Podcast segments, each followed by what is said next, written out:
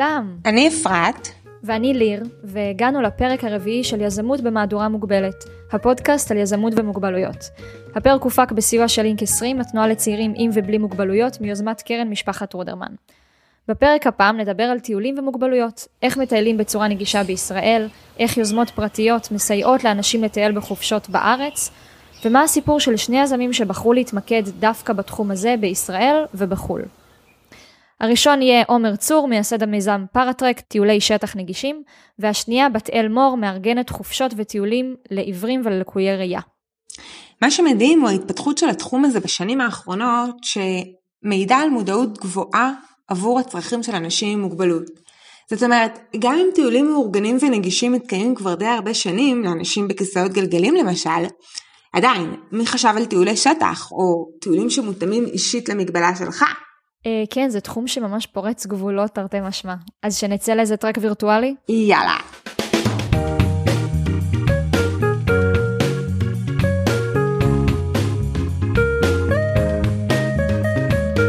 אז אני חייבת לספר לך שהופתעתי. כשטיילתי ב-2017 בארצות הברית, הגענו אני ובעלי לגרנד קניון באריזונה, ולא יכולתי להתעלם מתנאי הנגישות שם. היו מסלולים באורך של קילומטרים על גבי קילומטרים שמותאמים לאנשים שמתניידים באמצעות כיסאות גלגלים, ובכל מרכז מבקרים יש מדריכים קוליים ואוזניות לכבדי שמיעה. עכשיו התחלתי לשים לב לזה כמעט בכל פארק לאומי שהגענו אליו, גם לא הגדולים והמפורסמים שביניהם. באותו זמן התחלתי לעשות השוואות למצב בארץ ואמרתי לעצמי, בכל מה שנוגע לאתרי טבע בשטחים פתוחים, על זה אנחנו מדברות, כן? איזה הבדלים, כי אצלנו בטח חצי מהם בארץ לא מונגשים, ואיזה מבאס זה עבור אנשים עם מוגבלויות שאי אפשר לטייל ככה בכל מקום.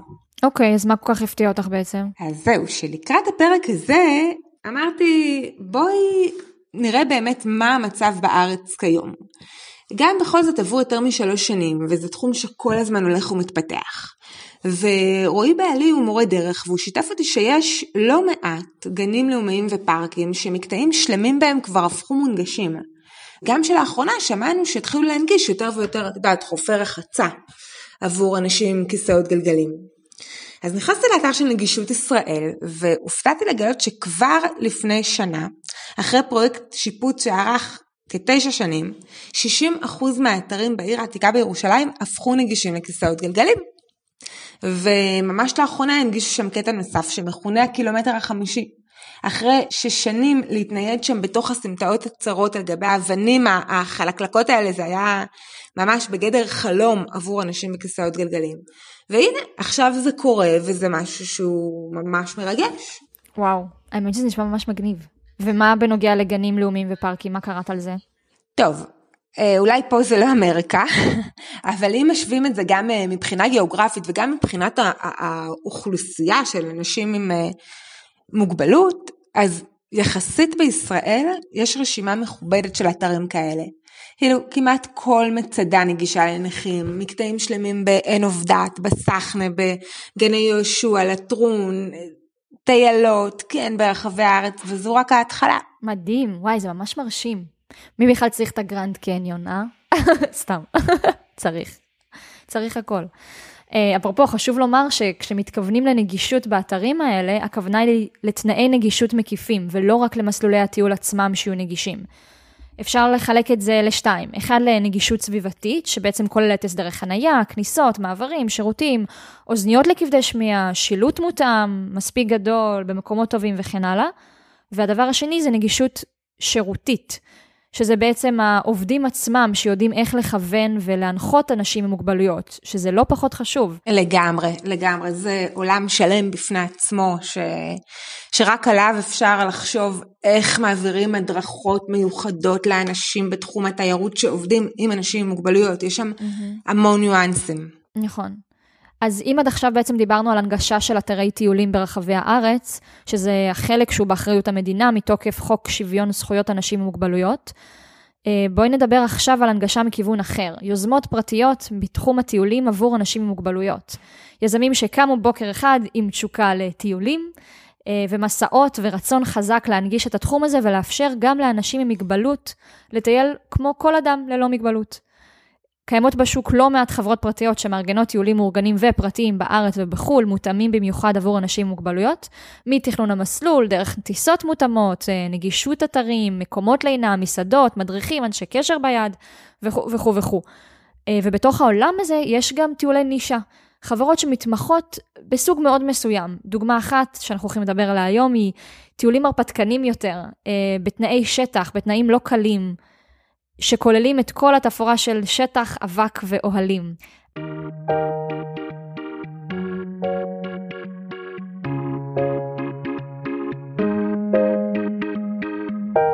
אז שלום לעומר צור, מייסד ומנכ"ל פארטרק. אהלן, בוקר טוב. קוראים לי עומר, בן 37, נשוי לנטע ואבא לאורי, שחר, אלון ורותם, המהממים, ואני עומד היום בראש מיזם שנקרא פארטרק, פתרונות לאנשים עם מוגבלויות, בכדי שיוכלו לצאת אה, לטייל בקבוצה שמשלבת אנשים עם ובלי מוגבלויות בשטח. אחלה. אז אה, עומר, אולי תספר לנו ככה קצת איך אדם עם מוגבלות בעצם יוצא לטייל בתנאים כאלה. אדם עם מוגבלות שרוצה לצאת לטייל, פשוט יכול לעשות את זה. אה, בבסיס התפיסה שלנו עומדת הנקודה המאוד מאוד פשוטה שעד לפני לא הרבה שנים הייתה מין מעין טאבו כזה של אנשים עם מוגבלויות, המקום שלהם הוא בתוך הבית או במקומות מונגשים. ואנחנו רואים את זה בדיוק ההפך, שאנשים עם מוגבלויות הם יכולים להחליט איפה מקומם, אם בפנים או בחוץ, בטבע או במקום אורבני. וכשהגענו למסקנה שזאת התפיסה שהולכת להוביל אותנו, אז התחלנו לייצר את השיטה שלנו. השיטה בעצם אומרת דבר מאוד פשוט, צריך להבין מי החברים בקבוצה מהם החלומות, הרצונות, אה, השאיפות של כל, ה, של כל האנשים בקבוצה, מהם היכולות ומהם המגבלות. בהתאם לכל הדברים האלה אנחנו בונים מסלול שהוא יהיה מתאים, מתאימים את העזר הנכון אה, ונותנים את, ה, את המענה אה, לאותו, לאותו צורך של אדם או אנשים עם מוגבלויות שבקבוצה. אוקיי, okay, אז uh, מגניב. לפני שאנחנו צוללים עוד יותר פנימה למה זה הטרקר ומה הוא עושה, אתה יכול לספר לנו איך בעצם הכל התחיל? אז הכל התחיל בטיול אחרי צבא שלי לפני uh, בערך uh, אה, 14 שנים, uh, כשטיילתי אי שם בטיבט ופתאום הגעתי למסקנה שאבא שלי, שכל החיים uh, דחף אותי לצאת ולטייל, מעולם לא טייל איתי, uh, וזה לא בגלל שהוא עצלן, uh, הוא פשוט מרותק לכיסא גלגלים.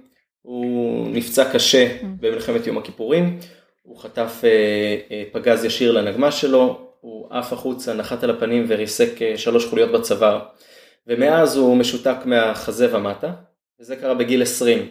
זאת אומרת, בחישוב, בחישוב קל שלי אחרי הרבה מאוד שנים, אמרתי, היי, בעצם לא היה לו טיול אחרי צבא, אנחנו חייבים לסגור את הפער הזה עבורו. אמ, והצעתי לו שנעשה לו טיול אחרי 35 שנים אחרי צבא, אמ, והוא התלהב. אה. לצורך הטיול הזה עשינו שלושה דברים בעצם. אחד, אה, בחרנו מסלול שאמרתי זה הולך להיות בחו"ל, זה הולך להיות בטורקיה, ואנחנו הולכים ללכת חודש ולהתעלם מהעובדה ש... שאבא יושב בכיסא גלגלים. שתיים, אה, כדי לצעוד בדרך אנחנו צריכים להביא, להכין, להרכיב, לקחת מאיפשהו אה, מוצר כלשהו שייתן לאבא שלי מענה כדי שיוכל להתנייד בשטח. אה, ושלוש, אנחנו רוצים לעשות את זה משהו חברתי, אז הזמנו מלא חברים שיבואו ויטיילו איתנו. אה, בדקנו את מה שהיה קיים בשוק עד אותו יום בארץ ובעולם וראינו שזה לא מתאים לצרכים שלנו והתיישבנו לשולחן השרטוטים והוצאנו את הדגם הראשון של הטרקר, כיסא גלגלים, מותאם לתנאי שטח לא פשוטים, אה, שמאפשר נוחות ובטיחות גם לרוכב, לאבא שלי וגם לכל מי שמסביב שבא בעצם אה, לסייע, אה, לדחוף, למשוך ובעצם לטייל עם הרוכב. מדהים. מדהים. יצרנו את הטרקר הזה, יצאנו לדרך, טיילנו 33 ימים בטורקיה לאורך הדרך הליקית, 509 קילומטר בדרום טורקיה. וואו. וואו. וואו. כן, ממש, היה ממש מטורף. החלטתי שזה מה שאני הולך לעשות בכם, אני הולך לשכפל את, ה, את החוויה הזאת עד כמה שאפשר, בכל מקום שאפשר, למי שרק uh, יסכים, ו... ואז הרעיון של פארטרק נולד. מדהים. מדהים. האמת שממש ממש עכשיו, לפני 12 שנים ויומיים, חזרנו מהטיול. מזל וואו, טוב. אתם חוגגים. אחלה זמן לציין את זה. ממש. זה יופי, יואו.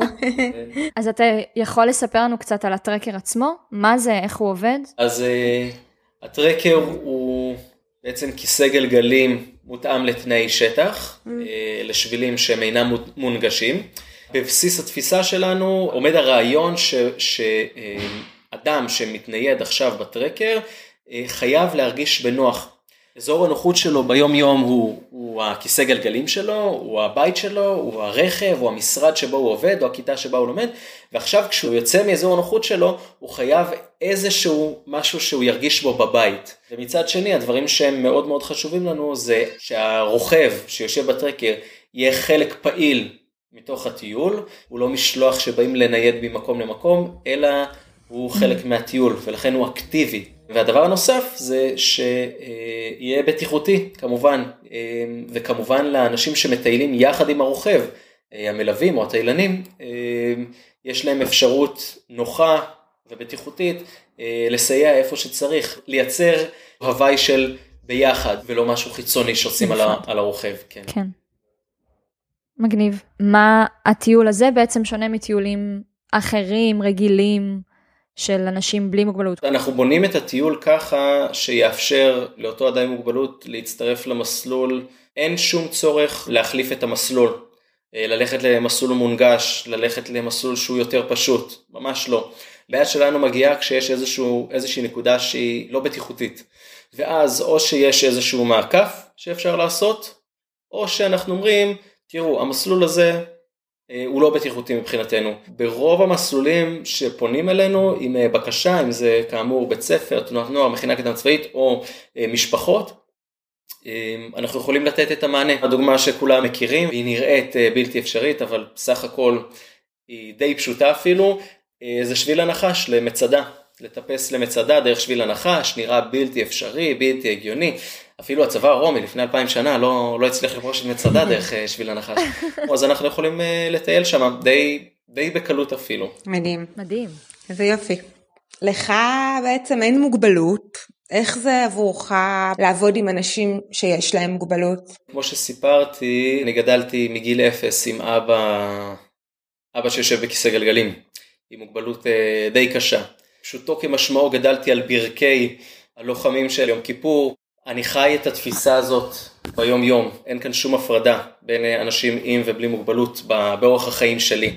זאת אומרת, אנשים שונים, עם צרכים שונים, כל אחד צריך דרך לחיות את חייו ולא לפתור איזושהי בעיה, אלא לתת מענה לאיזשהו צורך. איזשהו צורך, זה, אתה יודע, זה, אומרים שזה שפה, מרגע שאתה אומר בעיה, אז יש בעיה, אבל אם אתה לא מתייחס לזה, אם אתה לא אומר את זה בכלל, אז, אז, אז אין דבר כזה, זה לא קיים. אני מסכים במאה אחוז, העניין הסמנטי, כן, הדרך של הצגת הדברים היא גם משהו שאנחנו מאוד מאוד שמים עליו דגש בפעילות שלנו, כדי לאפשר לכולם את ההבנה של אנחנו כאן בתוך איזשהו מכלול שווה, ולא יש מאיתנו שיכולים ויש כאלה שלא, ואנחנו היכולים לפתור את הבעיות לבעייתיים, ממש ממש לא. כן, ואתה עצמך ניסית לטייל ככה על הכיסא עם הטרקר? בטח, גם אני מטייל מתי שרק אני יכול בטרקר, וגם העובדים שלי, כחלק מתהליך ההכשרה שלהם, הם מחויבים לטייל בישיבה בטרקר. בשביל להבין לעומק מה זה אומר אה, כשהקבוצה לא לוקחת בחשבון את הרוכב. אם זה במהלך ההליכה, ולא לעזור ב, אה, בבלימה נכונה או בירידה או בעלייה של איזושהי מדרגה, ואיך הרוכב מרגיש את זה, בגב, בצוואר, בראש, וכלה בהפסקות. אם הגענו להפסקה אה, למנוחה, מורידים את הטרקר ומתיישבים במעגל, אבל הרוכב שבטרקר נמצא עם הגב למעגל, כי סתם לא שמו לב, אז אותו ילד mm. יהיה מחוץ למעגל. זאת אומרת, mm. כולם צריכים להבין מה זה אומר, מכל אחת מה, מהזוויות ומהעמדות. אם אתם למשל לוקחים לבתי ספר לתנועות נוער, האם אתם משתמשים בקבוצות שיש בהם רק אנשים בלי מוגבלות, ובכל זאת מוצאים את הטרקר כדי לייצר את הסמי חוויה הזו? אז יש לנו בעצם שתי אפשרויות. אחד, מעין סדנה כזאת, כמו, ש, כמו שהזכרת, כמו שהצעת, רעיון טוב, אני אקח את זה.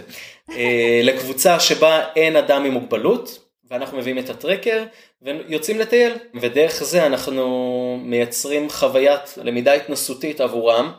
אנחנו כל פעם עושים את הסדנה הזאת אה, ושמים דגש על, על משהו אחר, כמובן שזה team building מדהים, בניית, בניית הצוות, עבודה, עבודת צוות כזאת ביחד. זה דבר אחד. הדבר השני שאנחנו עושים זה הולכים למסגרות כאלה שאין בהם אנשים עם מוגבלויות ומשלבים איתם אנשים עם מוגבלויות שמנחים אותם תוך כדי היום באיזושהי סדנת שטח mm. כזאת. אה, אמ, שבה אנחנו שמים דגש על הצבת יעדים, חלומות, מטרות מצד אחד ומצד שני מהם המגבלות שלנו בתור אנשים שבמרכאות כפולות אין להם מוגבלויות ואז אנחנו באים ורואים איך, איך אפשר בעצם לתת מענה על, ה, על המגבלות האלה או על המעצורים האלה או על מה ש, שמונע מאיתנו להתקדם אל עבר הגשמת החלומות שלנו. שמה שיפה כאן זה שמי שמנחה את כל הסדנה הזאת אה, זה אותם אנשים עם מוגבלויות. שבבוקר הגיעו ו...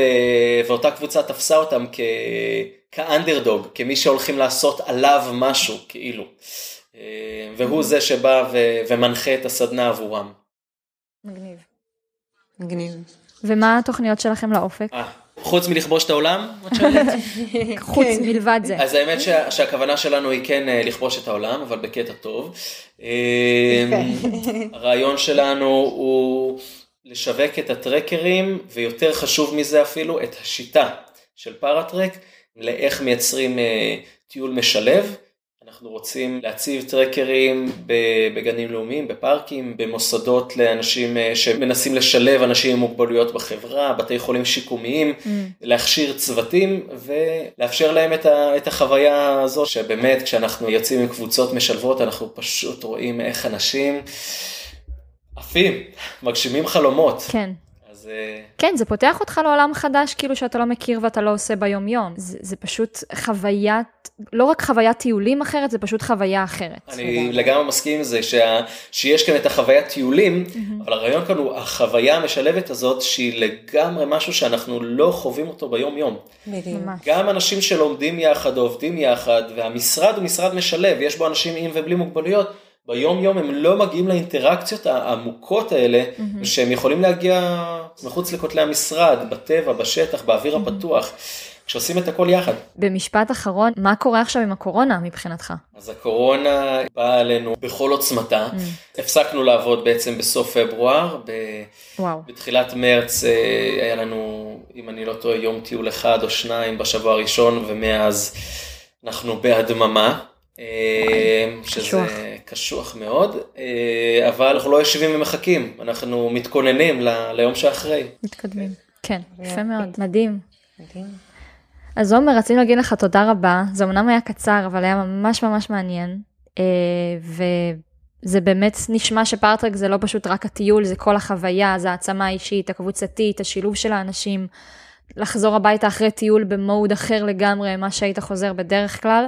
אה, והאמת שהייתי ממש שמחה מתי שזה לא יחזור לקרות, אה, להצטרף גם לטיול כזה. קדימה. יאללה, בקרוב שיגמר הקורונה, נצא לטיול. מדהים. יאי, ממש.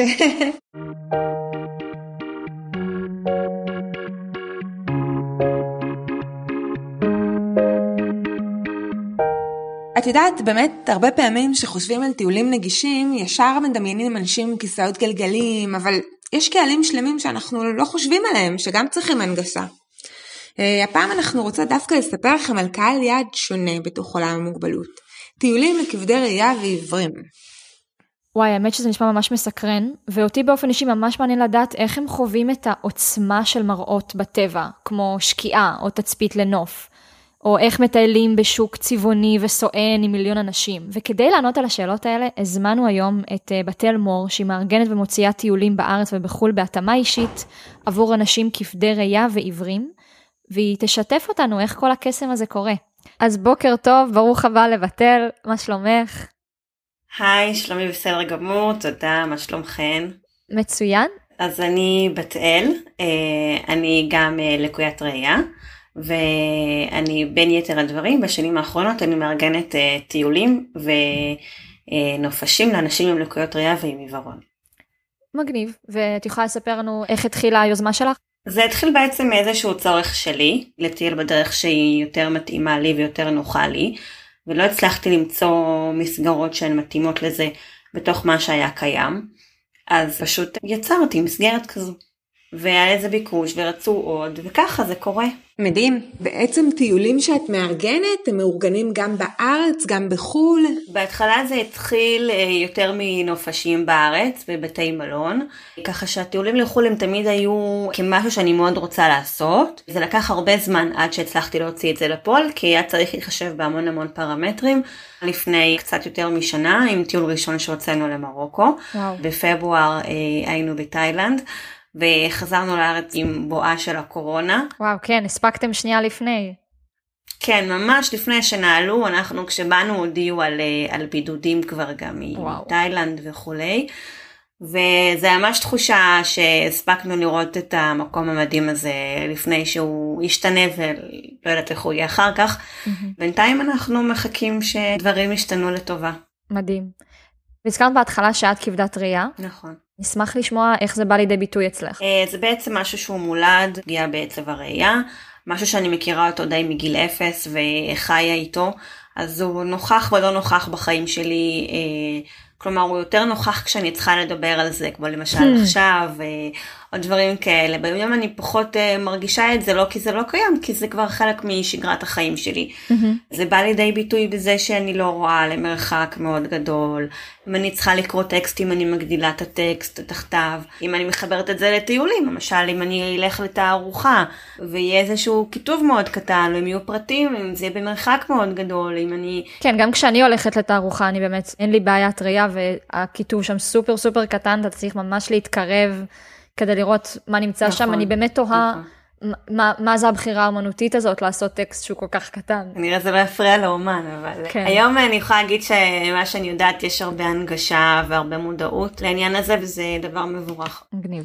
אם אנחנו ככה נכנסות קצת יותר לעומק, איך באמת חווים טיול ככבד ראייה? זה מערב בעצם איזשהו פיצוי של חושים אחרים, ואיך זה בא לידי ביטוי? זה מאוד סובייקטיבי קודם כל, כי בסוף כל אחד אה, אה, רואה אחרת ודרגת הראייה שלו היא שונה. לפעמים אני מרגישה שבמקום אה, חדש או במקומות מהסוג הזה, זה גם אדם שיש לו ראייה שהיא טיפה יותר טובה, לא תמיד היא מהווה יתרון במקומות חדשים. יש תמיד איזה ויליסט שהולכים לטיולים.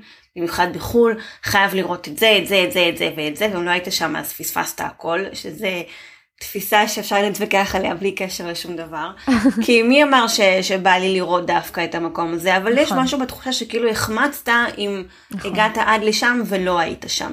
פעם הייתי בפראג, עם איזה בחורה שפגשנו בטיול, ואמרתי לה, וואי, יש פה את המוזיאון, את לא רוצה להיכנס? אז היא אמרה לי, תגידי, בכמה מוזיאונים היית בארץ? שאת רוצה להיכנס דווקא למוזיאון, מה מיוחד דווקא להיכנס למוזיאון פה בפראג? אז זה גם כן. נקודה.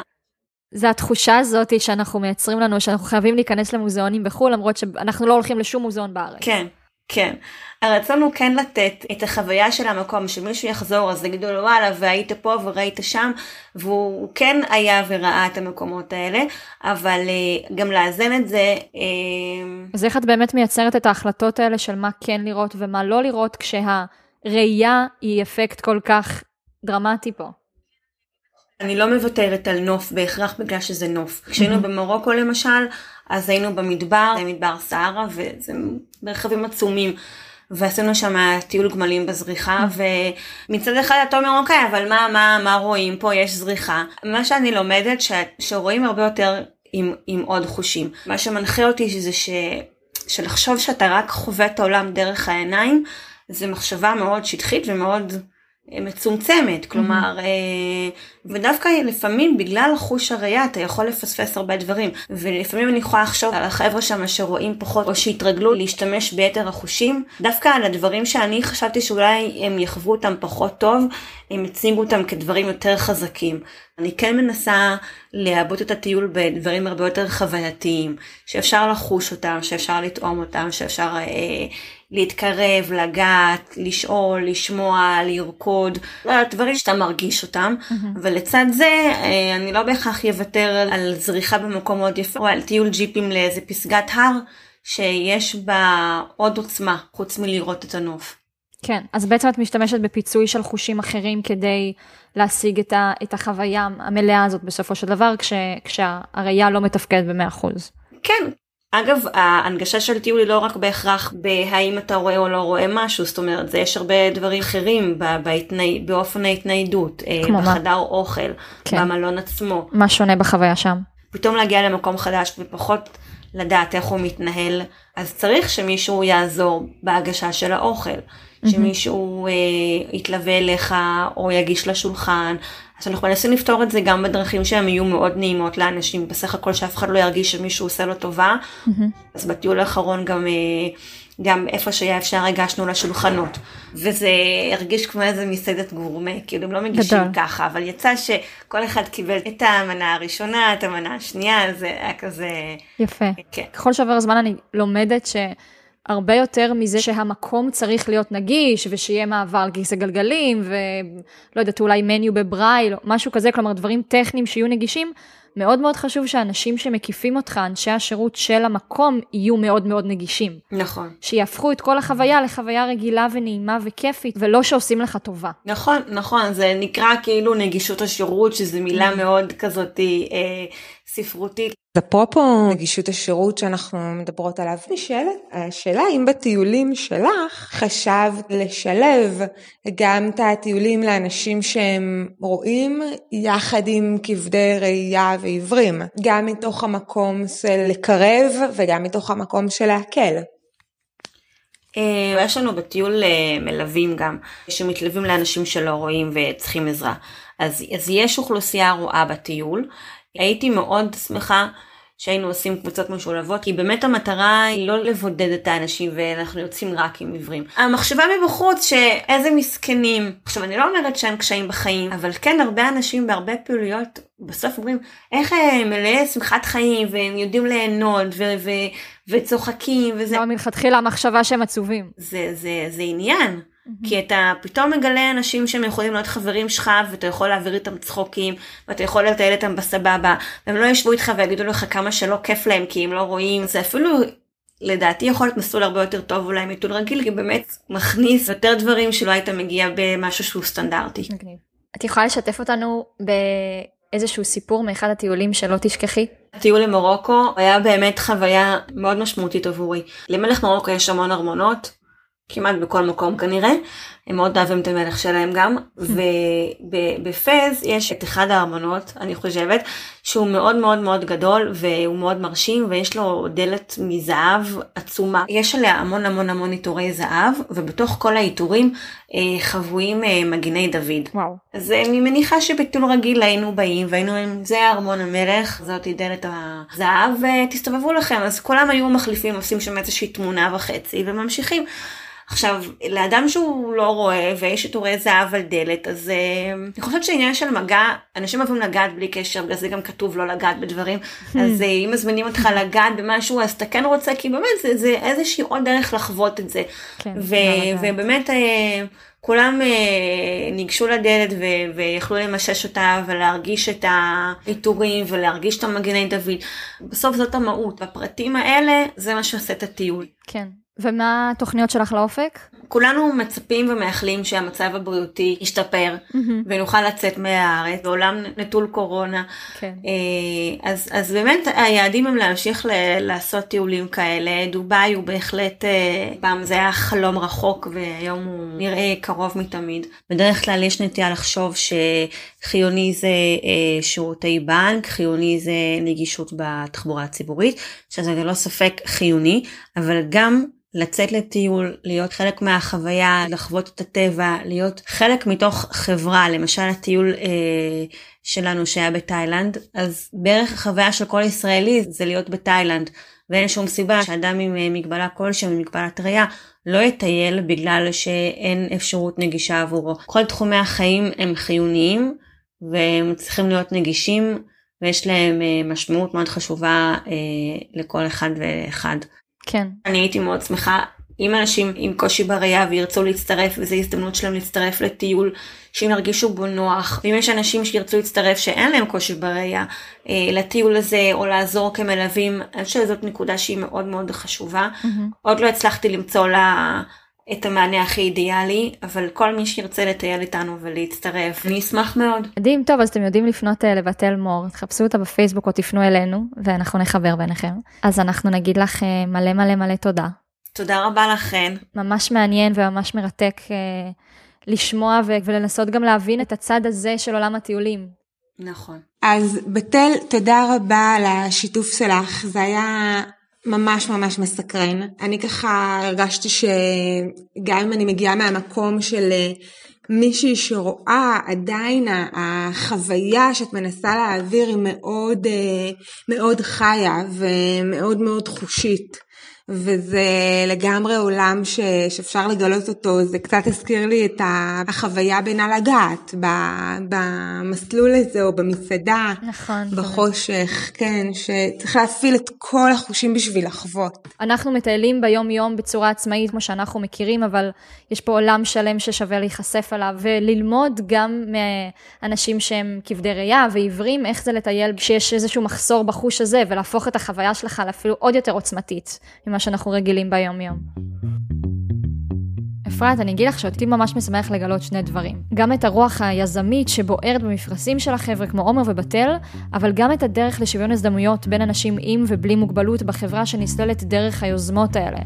כלומר, עומר ספציפית הוא בן אדם בלי מוגבלות, אבל שמגיע מתוך הסיפור של אבא שלו שמגיע עם, ובת אל היא בעצם בחורה עם מוגבלות שבחרה להיות יזמית ולפתוח את העסק שלה ולהוציא את הטיולים מהסוג הזה עבור אנשים אה, שדומים לה, וככה היא מפתחת את שני הצדדים, גם שוויון הזדמנויות וגם את היזמות עצמה. לגמרי, זה, זה באמת כיף לראות שיש אנשים כאלה, שגם באים מהמקום של לעשות משהו שהוא טוב ומקדם, וגם הולכים עם הפשן שלהם, דברים שהם באמת אוהבים. נכון. האמת שהייתי ממש מסוקרנת לצאת גם לטיול עם הקבוצה של הלקויי ראייה, וגם על הטרקר של עומר, זה נשמע לי כמו שתי חוויות סופר מגניבות. לגמרי. בסוף דיברה בעצם על זה שהיא מתכננת על דובאי, כאילו... וואי, ממש. וואו. זה, זה היה מהר. חברות טיולים, אנשים ללא מוגבלות עוד לא התחילו אפילו לחשוב על החלק הזה של דובאי וכל מה שאפשר, והיא כבר יושבת ומתכננת ורואה מה קורה שם ומה מונגש ומה לא, ומטורף. ממש. עד כאן הפרק הרביעי והאחרון לבינתיים של יזמות במהדורה מוגבלת. ואנחנו רק מציינות שזה הפרק האחרון לבינתיים, כדי שתדעו שנכון להקלטה של הפרק הזה, אפרת בחודש התשיעי,